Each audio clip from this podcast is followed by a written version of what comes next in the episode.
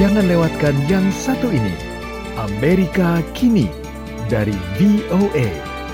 Bersama Metrini Geopani.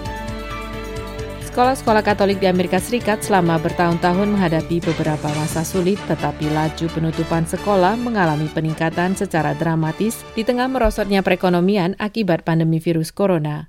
Hal itu memicu kemarahan dan keprihatinan pada sejumlah komunitas yang terkena dampaknya. Suster Bridget Riley, direktur pada Quickly Catholic High School, mengemukakan. We were asked to um, go to a Zoom meet on uh, Friday the 29th. Uh-huh. Is it 29th?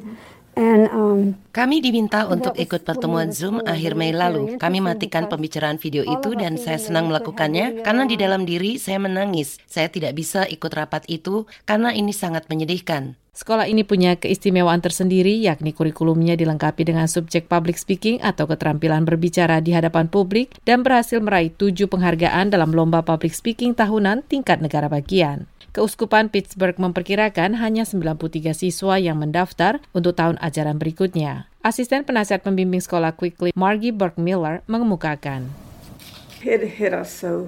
Petaka ini menghantam kami begitu cepat.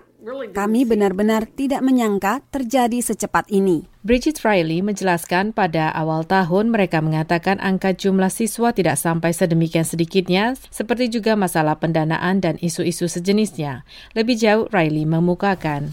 At the beginning of the year, they had said, you know, the tetapi jika kami berhasil memperoleh dananya, maka kami bisa tetap beroperasi. Saya pikir di situlah COVID menimbulkan masalah. Mereka tidak berhasil melakukan banyak penggalangan dana yang telah dirancanakan sebelumnya. Tapi saya kira itu adalah kombinasi dari berbagai hal. Konselor pembimbing sekolah Quickly, Suster Bridget Riley bersama asistennya Margie Burke Miller bersiap-siap untuk menutup kantor sekolah. Mereka menyiapkan semua transkrip siswa-siswa untuk dikirim ke SMA lainnya sesuai dengan permintaan para siswa. Dengan begitu, para siswa bisa diterima di sekolah-sekolah tersebut. Kedua perempuan yang telah bekerja sekitar 35 tahun di Quickly itu tidak berusaha menyembunyikan kesedihan mereka. Burke Miller yang bertemu suaminya ketika keduanya bersekolah di Quickly Catholic High School menyatakan. Hal ini akan meninggalkan kehampaan dalam hati kita semua.